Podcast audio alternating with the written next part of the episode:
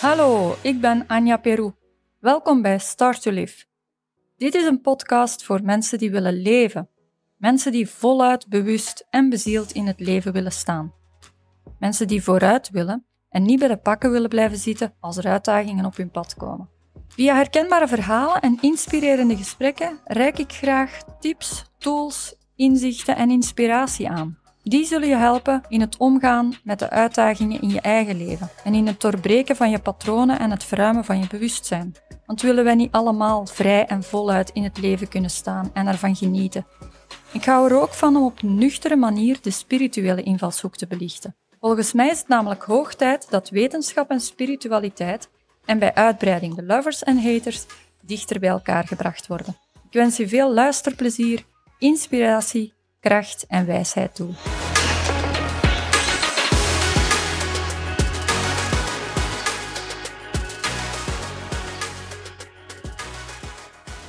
Hallo, in deze opname wil ik het graag hebben over excuses en hoe dat je ze kan elimineren. Ik wil beginnen met een verhaal en daar hang ik dan de inzichten en de tips rond excuses aan op. Een verhaal van enkele weken geleden ben ik gaan deelnemen aan een Wim Hof retreat. Voor mensen voor wie dat, dat onbekend is, dat is de Wim Hof is de Iceman. Dus dat gaat over een, uh, een koude bad dat ik heb gevolgd. De Wim Hof Method Retreat ging voornamelijk over in ijskoud water kunnen verblijven en ademhaling. En het gaat eigenlijk over comfortabel kunnen blijven in het discomfort of in uw rust kunnen blijven in het discomfort. Dat terzijde. Hoe dat verhaal zich afspeelde, een jaar geleden ben ik in het ziekenhuis terechtgekomen met iets aan mijn ogen, mijn hersenen, waar dat er verder onderzoek op moest gebeuren. En het resultaat was daar dat de neuroloog mij zei dat ik moest zorgen dat ik een manier vond om uit mijn hoofd te kunnen gaan, om meer tot rust te kunnen komen en mijn hoofd te kunnen leegmaken. Dus daar begon een zoektocht voor mij in hoe dat ik mijn hoofd tot rust kon gaan brengen. En dat maakte dat ik een, een tijdje geleden, ongeveer rond diezelfde periode, hoorde ik voor de eerste keer over Wim Hof. En als ik dat verder zag, dan was mijn allereerste reactie, dat is voor. In koud water gaan zitten, dat is voor. Nu goed, uh, dat bleef op mijn pad komen en een bepaald moment was er eigenlijk per ja, toeval, het valt u toe, zeg ik altijd, uh, kwam het Wim Hof verhaal mijn richting uit. En nog voordat ik het goed besefte, was ik ingeschreven in een weekend retreat met de Wim Hof methode. En ik zeg nog voordat ik het goed besefte, want het, het is inderdaad heel snel gegaan. De beslissing of de, de inschrijving gebeurde nog voordat ik het heel goed besefte wat dat ik nu net, waar dat ik me nu net had voor ingeschreven. En ik weet nog dat ik nadien pas de stress begon te voelen van wat heb ik mezelf nu aangedaan. Maar goed, het was gebeurd, ik had me ingeschreven en de, het weekend Butgenbach, het was in Butgenbach in de Ardennen, Putteke Winter, hè, ehm, het was eh, op 1 februari vertrekken, zijn we er naartoe gegaan. Of ben ik er naartoe gegaan. Met een hele groep mensen die ik niet kende. We waren met 18 mensen in totaal. En allemaal mensen die ik niet kende. Um, een totaal nieuw avontuur eigenlijk. Alles nieuw. Ik weet dat ik aan, bij het begin dat ik het heel spannend vond. Bij het toekomen was ik aan het aftasten of was ik zo een beetje aan het aan het zoeken naar, uh, zijn er hier nog mensen voor wie dit de eerste keer is en voor wie dit nieuw is? En er waren inderdaad mensen die daar ook de eerste keer waren, maar al snel hoorde ik dat ik de enige was die nog nooit in koud water was geweest en die nog nooit de ademhalingsoefeningen van Wim Hof had gedaan. Dus ik was de enige waar het echt nieuw, nieuw, nieuw voor was. Toen kwamen de, de angststemmetjes naar boven. En tegelijkertijd, de angststemmetjes, dan begint uw systeem ook al met excuses naar boven te komen. Ik was dus aan het aftasten van, oké, ik ben de totaal nieuwe, totaal groentje hier in het midden. Maar ik was nog altijd uh, nieuwsgierig, dus de eerste avond, we kwamen toe, heel fijn, allemaal nieuwe mensen leren kennen. Een gezellige avond ook. En dat was al geruststellend dat dat allemaal heel fijne, heel fijne mensen was, waren een heel fijne omgeving. Dus op dat vlak was ik al gerustgesteld. Die eerste avond was al een, een goede meevaller. Op dag één dan, de eerste dag, was het vanaf s morgens al beginnen met in de sneeuw onze ochtendgymnastiek gaan doen. En de eerste, het eerste moment, dus na de ochtendgymnastiek, onze ademhalingsoefeningen. En om tien uur s ochtends zaten we al, gingen we al de allereerste keer in het koude meer. Het was buiten iets van een 3 graden en het meer zelf, het water, was iets van een 5 graden ongeveer. En op die dag één herinner ik me nog dat alles eigenlijk heel snel voorbij ging. Het was zo, alles was heel nieuw. Het was wel spannend, maar ik was ook nieuwsgierig. En alles was, nog voordat ik het goed besefte, was alles al voorbij. Nu, dag twee, dat was een andere dag. Dag twee was het weer ook uh, nog een stuk minder. Een stuk minder in de zin van, het was echt koud en guur weer. En als je, als je weet, ik was nog nooit in koud water geweest, tot de dag ervoor dan. Het koudste water dat ik had gehad was 20 graden, terwijl het buiten ongeveer 35 graden is. Dat is het koudste dat ik in het, dat ik in het water ging. Dus nu, die, die eerste dag, dat was snel achter de rug, maar we waren er drie dagen. Dus dat gingen we drie dagen aan elkaar doen. En dag twee was het weer veel slechter dan de dag ervoor. Veel slechter in de zin van het was guur, een koude snijdende wind, ja, zo'n beetje miserige, miserig regen ook. Dus het was echt geen fijne dag. En we hadden die dag twee uh, tevoren een koude wandeling er ook op zitten.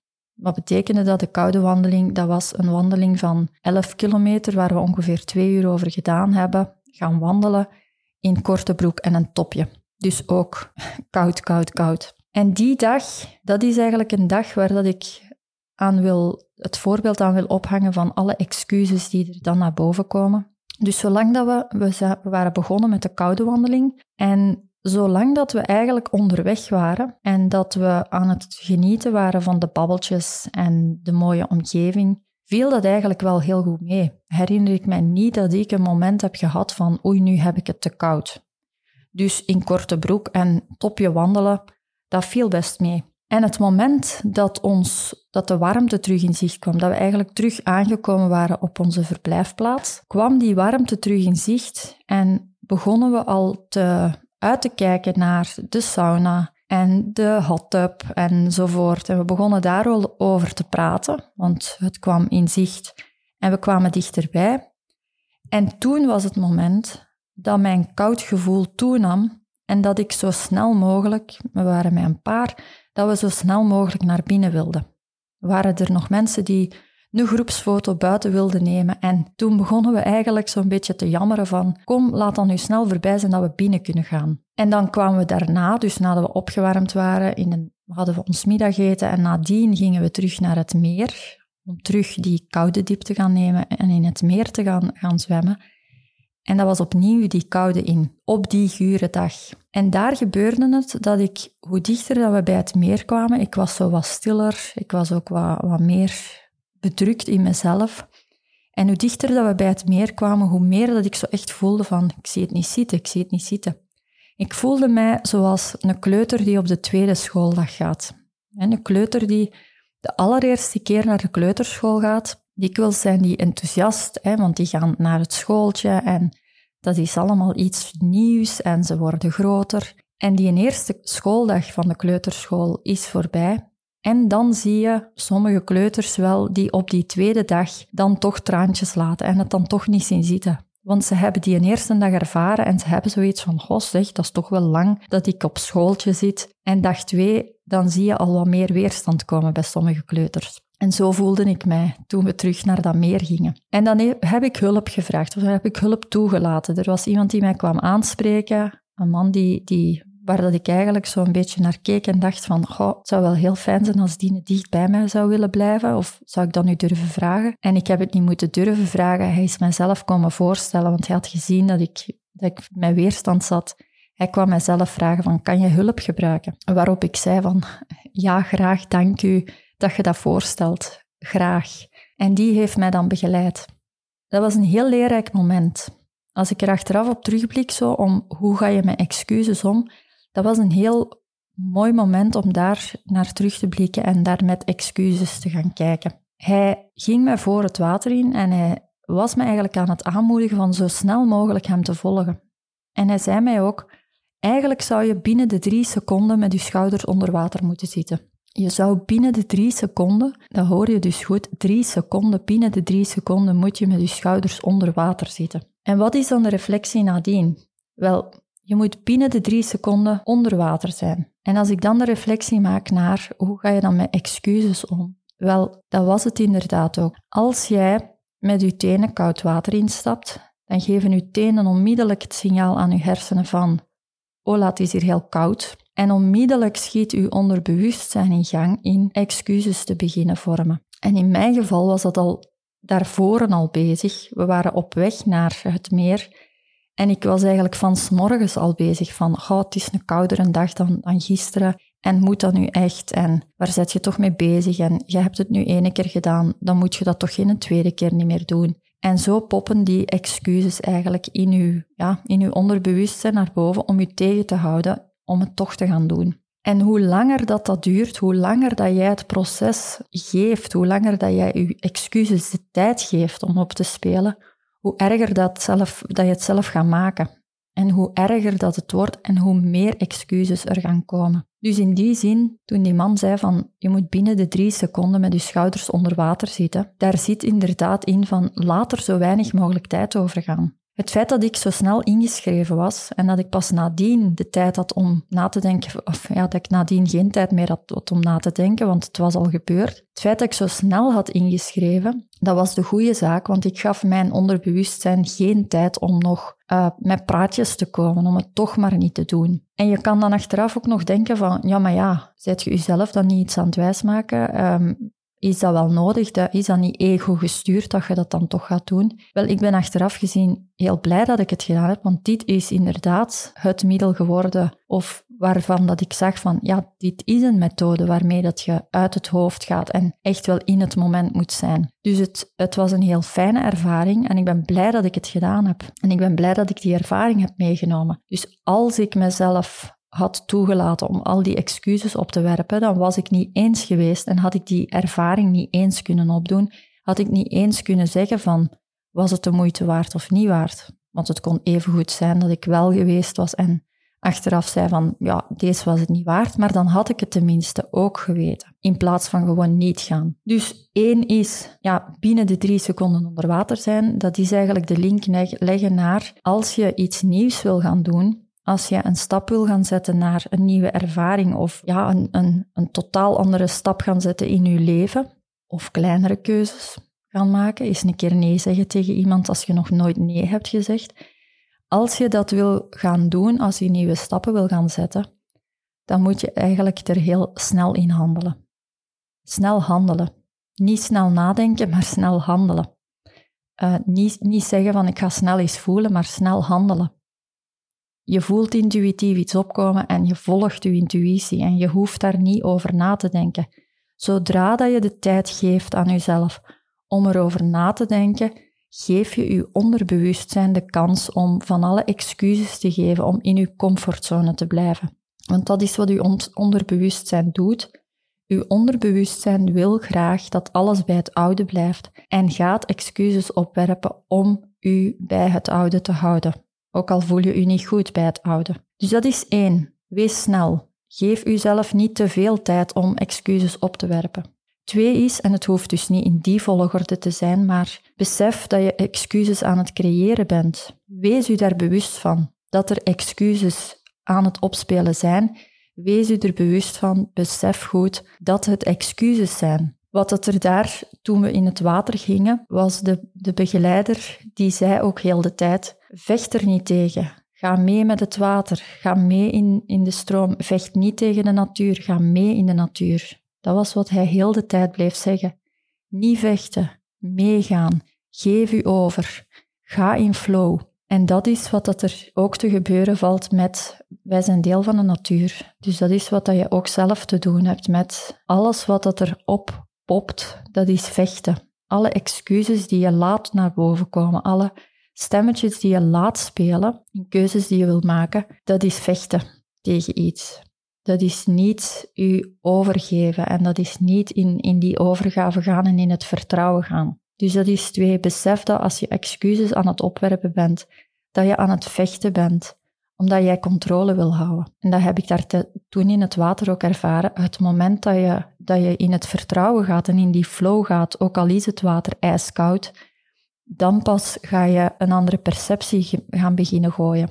Dan ga je ineens voelen van, dat is niet koud, dat is hier mijn lichaam dat aan tintelen is en dat, dat voelt dat het leeft. En dat is een andere perceptie, want dan ga je ineens die koude op een heel andere manier ervaren.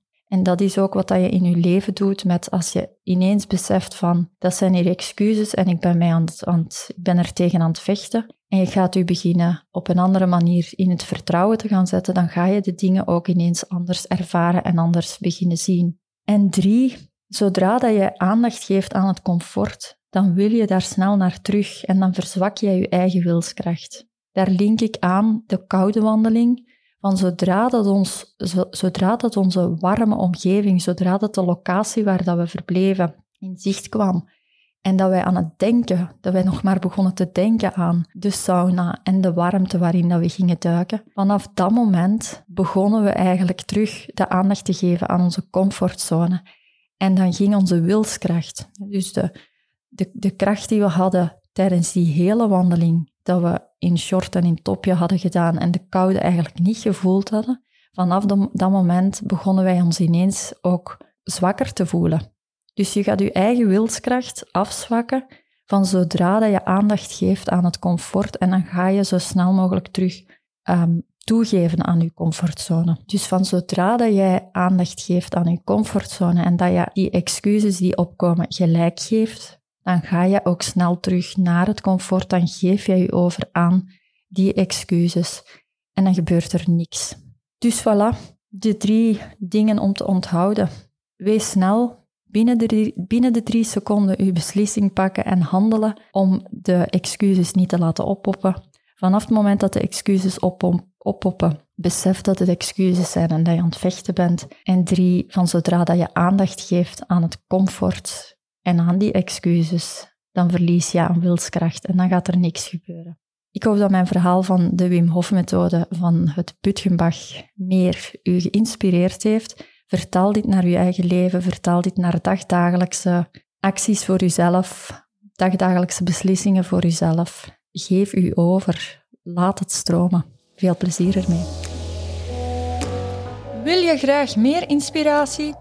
Surf dan naar apluscoaching.be of volg ons op Instagram en Facebook. Hou je vooral niet in om zelf ook anderen te inspireren. Dat kan je onder andere doen door deze podcast te delen of erover te praten. Dank je wel in elk geval om te luisteren en je te laten inspireren.